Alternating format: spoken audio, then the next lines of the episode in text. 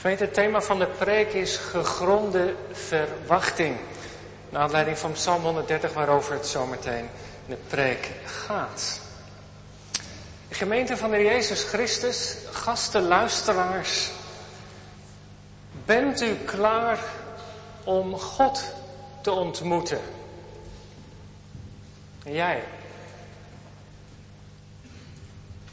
Die vraag klonk afgelopen donderdag op het plein voor het stadhuis.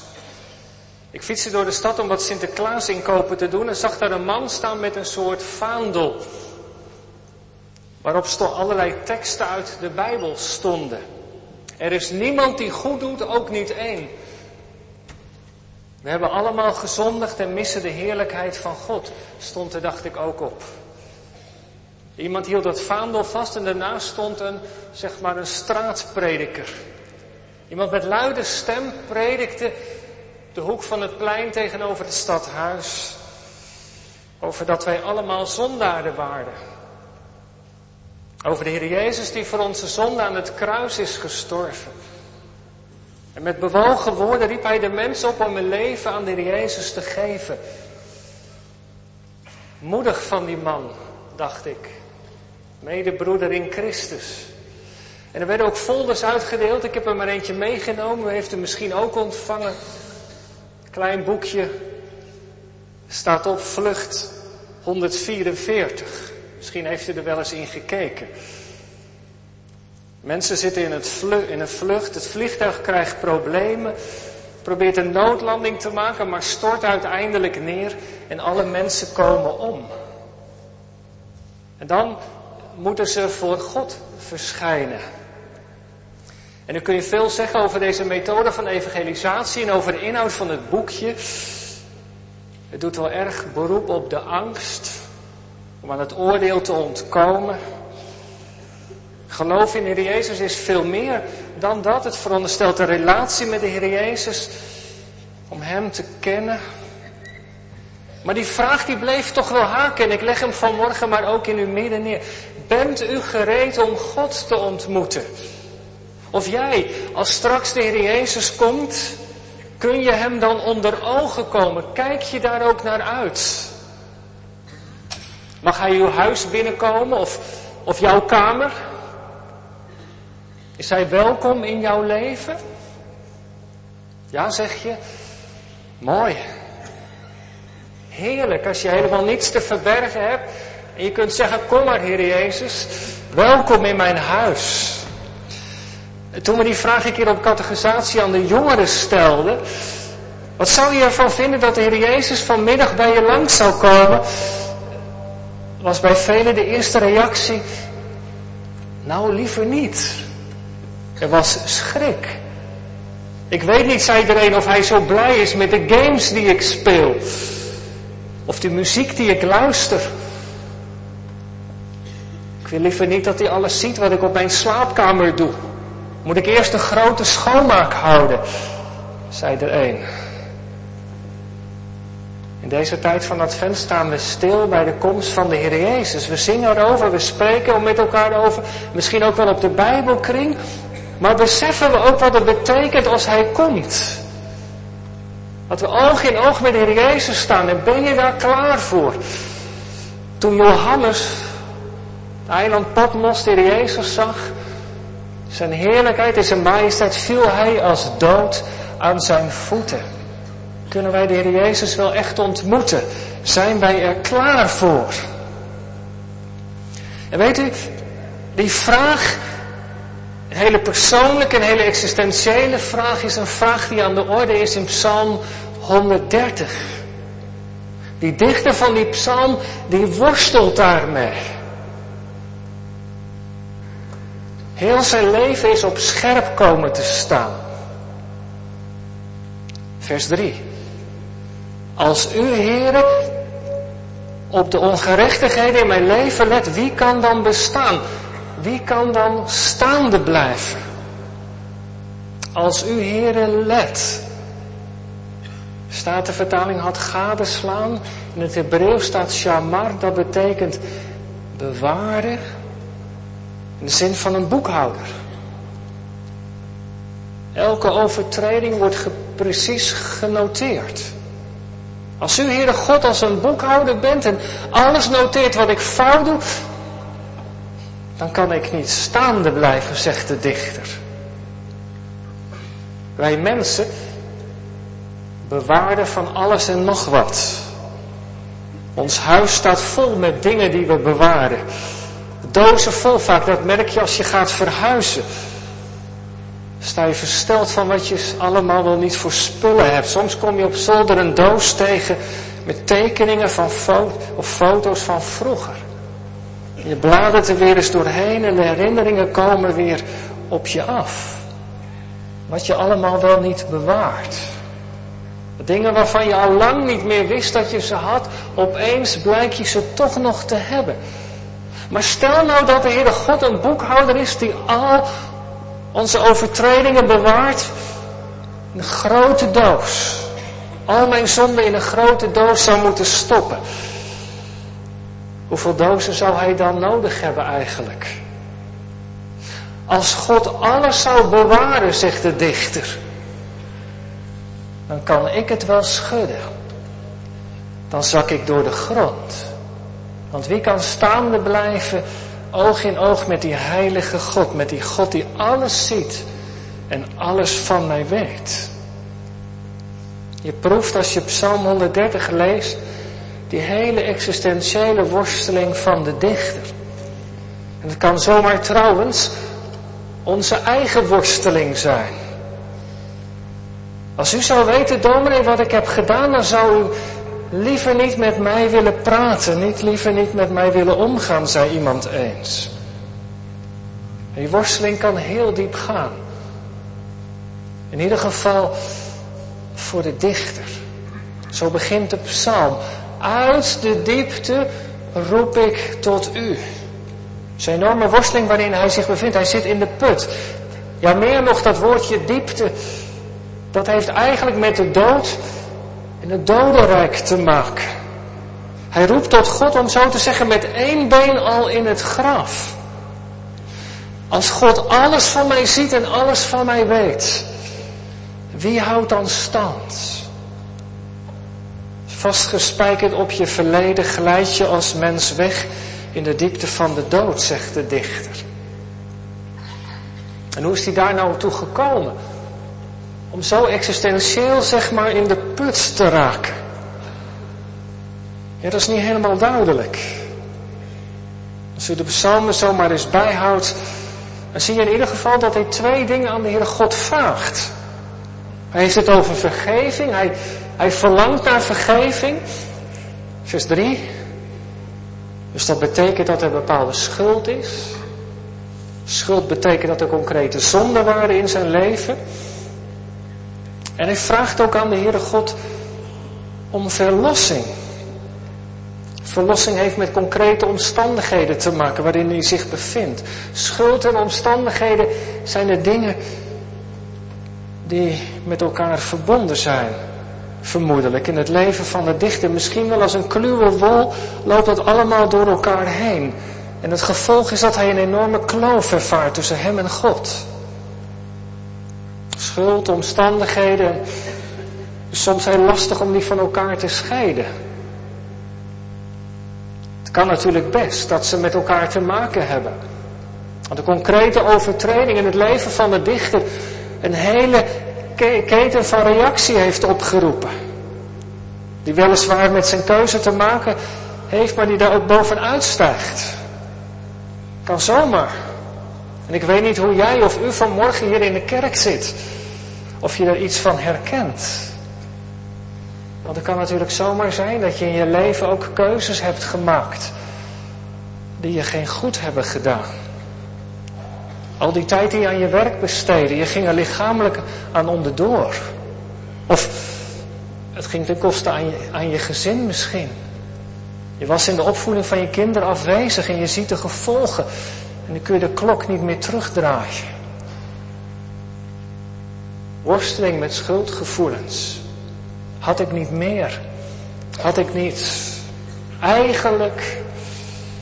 Of in die relatie met die ander ben je te ver gegaan en het kostte je huwelijk. Met alle gevolgen van dien. Is geen weg meer terug. Het begon onschuldig met de computer, maar het ontaarde in verslaving. Niemand weet er nog van, maar, maar als ze op je harde schijf zouden kijken. Dat gesjoemel met geld, die opmerkingen over die ander. Het was niet helemaal waar wat je zei, maar het kwam wel heel erg goed uit. Weet, ik weet niet wat er in uw leven allemaal speelt vanmorgen. En ik wil u echt geen schuldgevoel aanpraten. Maar mijn gebed is dat deze dienst voor ons allemaal, of jong zijn of oud, toch wel als een soort spiegel mag zijn. Zijn wij klaar om de Heer Jezus te ontmoeten? Volgende week bij Hem aan tafel te gaan. En er is iets wat we niet moeten doen. Aan de ene kant kun je de zonde wegmoffen. Zeg, nou ja, stelt allemaal niet zo heel veel voor. Voltaire. God, ja, vergeef is zijn beroep. Vraag gewoon vergeving. Ondertussen ga je gewoon door met wat je zelf graag wilt. Nee, echt niet. Is echt niet zo erg als de ander bij iets veel erger is. Maar daar schiet je niks mee op. Als er iets in je leven mis is, dan moet je dat niet bagatelliseren, moet je dat niet minder maken, maar dan moet je het juist aan het licht brengen. Beleiden. En aan de andere kant, zeg ik er maar bij, helpt het ook niet om zo heel vroom te zeggen, ja we zijn allemaal zondaars. We staan bij God in de schuld. We hebben allemaal vergeving nodig. Ja, dat is waar. Maar als je nou concreet op de man of de vrouw afgevraagd wordt. Als je net hebt gebeden, Heer, wilt u mijn zonde vergeven? En je vraagt, ja, maar welke zonde heb je dan begaan? Dan valt het zo vaak stil. Kunnen we nauwelijks iets benoemen. Nee, zonde moet concreet benoemd worden. Er was eens, jongens en meisjes, een man. Hij was stom dronken. En die belde aan bij het huis naast een kerk. Daar woonde toevallig de dominee. Vroeger was dat nog zo. De man was zijn verslaving zo zat, dat toen, hij de deur, toen de deur open ging, hij gelijk aan die man vroeg, dominee, meneer, kunt u mij helpen om van de drank af te komen? De dominee antwoordde, weet je wat je moet doen? Dan moet je bidden. Oké, zegt die man. Heere God, wat de dronken man, ik ben gisteren met verkeerde vrienden uit geweest. Nee, zei de dominee, u bidt verkeerd. Het viel hem in de reden. We moeten het overdoen. De man begon weer opnieuw. Heer, ik ben gisteren in een slechte gelegenheid geweest. Nee, zei de dominee. Zo is het ook niet goed. Nog een keer. En de man werd wanhopig. Ja, wat moet ik dan bidden eigenlijk? En vroeg of de dominee voor hem wilde bidden. Deze vouwde zijn handen en toen en bad voor de man. Heere God, ik ben gisteravond dronken geweest. Ik heb te veel gedronken en ik heb er berouw van. Wilt u me helpen om ervan af te komen? Dat is eigenlijk wat de dichter van Psalm 130 ook doet. Hij ontkent zijn zonde niet, maar beleidt ze. En dan, en dan is de weg naar God weer open. Maar ja, gemeente, hoe kom jij nou toe om open kaart te spelen met de Heere God? Zoals die dichter van Psalm 130 dat doet. Hoe kom je daar nou toe als mens? Ik denk dat het vaak de omstandigheden zijn, of niet? Moeilijkheden die je leven binnenkomen. Soms zelfs een periode van ziekte kan zomaar een beproeving zijn. Dat zie je ook vaak in de psalmen. Is je dat ook wel eens opgevallen? Als de dichter, als de mensen ziek zijn, hoe vaak ze dan niet in gesprek gaan met de Heere God en zich afvragen of ze zonde hebben begaan, waardoor die ziekte hen treft. Dat is logisch. Als de dingen niet goed gaan in je leven, dat je gaat vragen van Heer, hoe zit dat nou? Heb ik misschien gezondigd tegen u? En heel vaak in de psalmen zie je dat de dichter denkt of zegt, dat zijn ziekte een straf is van God. Dat het de toren van God is die hem treft. Maar daar moeten we voorzichtig mee zijn. Om een direct verband te zien tussen ziekte en zonde. Jawel, ziekte kan natuurlijk te maken hebben met een bepaalde levensstijl. Maar veel meer met de gebrokenheid van het leven als gevolg van de zondeval. Die link tussen ziekte en zonde is zo moeilijk te trekken. Dus soms is die er gewoon niet. Moeten we terughoudend zijn. Maar je ziet wel dat de omstandigheden vaak die vraag als het ware wakker roepen. Heere God, hoe zit dat eigenlijk? De waarom-vraag komt dan op. De vraag, kan ik God eigenlijk wel ontmoeten? Hoe is dat bij deze dichter van Psalm 130 gegaan? Nou ja, er is een concrete nood. Hij zit in de diepte. Maar er is nog een reden. De psalm staat erboven, is namelijk een pelgrimslied. Psalm 130 is een van de zeven psalmen die ook wel de boetpsalmen worden genoemd. Psalmen waar iemand zijn schuld en zonde aan de Heere God beleidt. Maar deze psalm is tegelijkertijd ook een pelgrimslied. En misschien kent u die uitdrukking nog wel vroeger toen je aan tafel uit de Bijbel las. Staat de vertaling, een lied Hama'alot. En dat staat er in de grondtekst. En Hama'alot betekent een lied van de opgangen. Letterlijk, opgangen. Psalm 130, de Psalm 120 tot 134 zijn liederen Hama'alot. Pelgrims zongen deze liederen als ze opgingen naar de tempel. De tempel in Jeruzalem lag hoog. Daar moest je opgaan. En Hama'alot betekent die beweging, is een lied van de opgang naar de tempel om God te ontmoeten. En die uitdrukking, ouderen onder ons, die kennen we misschien nog wel. Laten wij opgaan naar Gods huis. Vrolijk gaan de stammen op. Als je in de stad Gouda loopt, zo half tien zie je allerlei kerkgangers naar verschillende kerken gaan. Dan gaan de stammen op naar Gods huis. Hama'alot. Dat is altijd trouwens ook weer de grondtrek geweest van het volk Israël. God riep hen op om naar Jeruzalem te gaan, om op te gaan, maar ook later, als het uit de ballingschap terugkeert naar het beloofde land, dan gaat het ook op. Ik weet niet of u dat weet, dat vandaag de dag de Joden die bijvoorbeeld uit Ethiopië of uit de Oekraïne teruggaan naar Israël, die maken aliyah. Dat is hetzelfde woordje. Die maken opgang. Tot de dag van vandaag keren Joden terug naar het beloofde land. Nou, zo moest de dichter dus in die tijd opgaan naar Jeruzalem, een paar keer per jaar zelfs. Naar de tempel. Maar daar in de tempel, dat was de plek waar God woonde. Hij ging op om God te ontmoeten. En dat is de reden dat alles in zijn leven op scherp komt te staan. Het gebod van God om te naderen roept de vraag op, kan ik dat wel?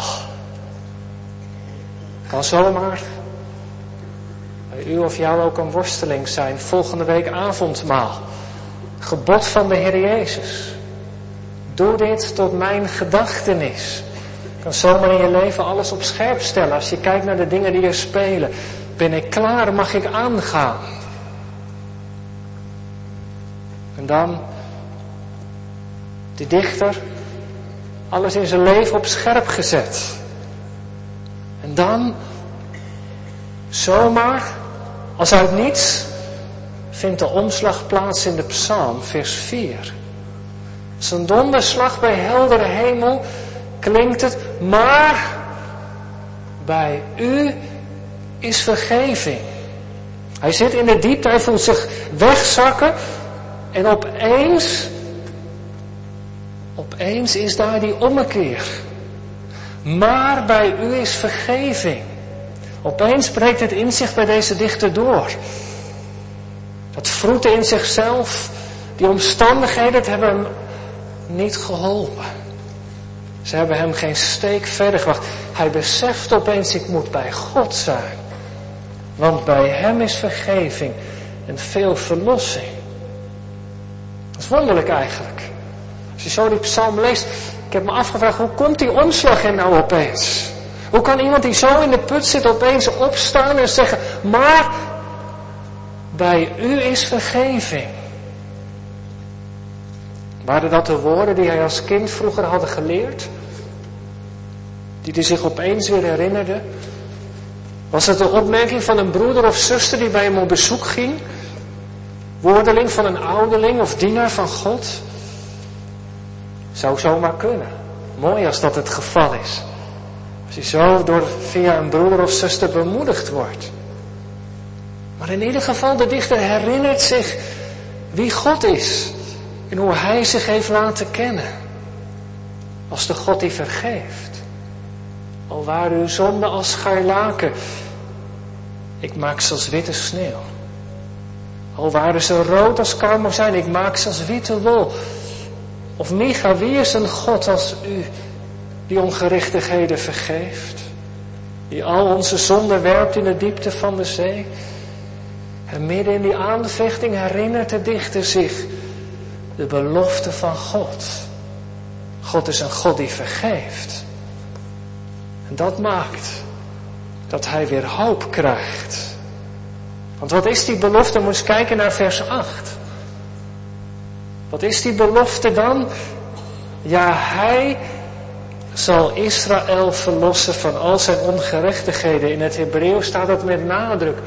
Hij zelf zal Israël verlossen. En weet u wat dat betekent? Nou dit. Dat de God die alles van mij weet, voor wie niets verborgen is, mij uit de diepte van zonde, van schuld, van de omstandigheden zal halen.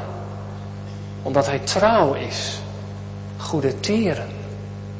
Omdat hij mij lief heeft, die God die alles van me weet. Hij zelf zal mij verlossen, zegt de dichter. En het is alsof God door zijn geest het hem toefluistert. Ik ken je zorgen. Ik weet van je verdriet. Weet van je zonde en schuld, hoe je leven is gegaan, je verleden. Het is mij allemaal bekend. Maar houd moed. Ik zelf zal je verlossen. En die boodschap slaat bij de dichter naar binnen. En maakt dat hij weer hoop krijgt. Ikzelf, God zelf. Hij strekt zich uit naar dat moment, naar dat verlossende woord. Sta op, je zonden zijn vergeven. Ik heb het zelf uit zijn mond gehoord. Zoals die wachter die uitkijkt naar die morgen. Als die koude nacht van wachten voorbij is en het ochtendgloren komt, zo strekt de dichter zich uit naar het verlossende woord dat God gaat spreken. En gemeente, het is advent. Wij mogen weten dat God dat verlossende woord heeft gesproken. Weet u het nog? Het is volbracht. Toen Jezus daar aan het kruis hing en zei, het is volbracht, heeft God dat verlossende woord gesproken. Toen hij daar hing aan het kruis, keek hij naar mij en naar mijn leven. En zei hij tegen mij, tegen u en tegen jou, ik ken je door en door. Maar ik heb je lief. Ik weet wat er op de bodem van je hart leeft, maar ik doe dit voor jou. Aan het kruis heeft Jezus alles gedragen. En is er werkelijk niets meer dat ons van God hoeft te scheiden.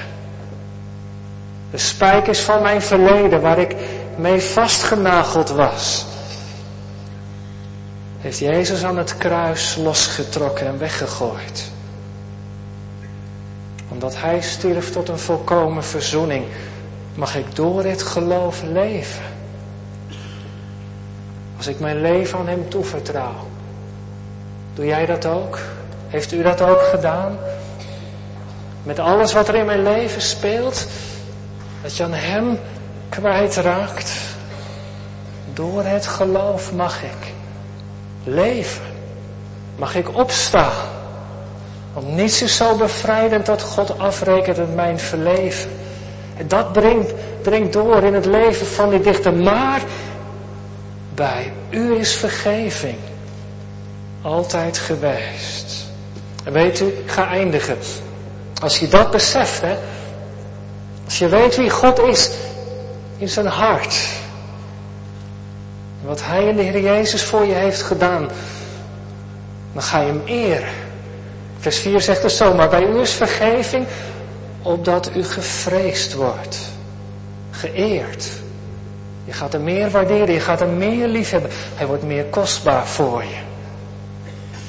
En ja, ga je ook veel van hem verwachten. Als het voor jou kan, kan het ook voor die ander. Ga je verlangen dat die ander daar ook in deelt. Broeder of zuster, iemand uit je gezin, familie, collega misschien. Dan ga je verlangen dat ook Israël deelt in de volkomen verlossing. Wat deze wereld deelt. Die steeds dieper bij God vandaan wegzinkt. Advent 2014. Hij zelf zal komen. Dat is de Heer Jezus. Hij is gekomen. God met ons, Immanuel. En nog een keer die vraag van het begin van de preek. Ben jij klaar om God te ontmoeten? En u? Als je de Heer Jezus kent, dan ben je klaar. Als je Hem lief hebt, dan hoef je op die dag niet meer bang te zijn. Dan is de morgen van de jongste dag een dag vol vreugde. Dan mag je Hem zien van aangezicht tot aangezicht. Hij, die alles van je weet. En je toch meer lief heeft dan je ooit had durven dromen. Immanuel, Hij zelf zal ons verlossen. Ik heb het zelf uit zijn mond gehoord. Halleluja. Amen.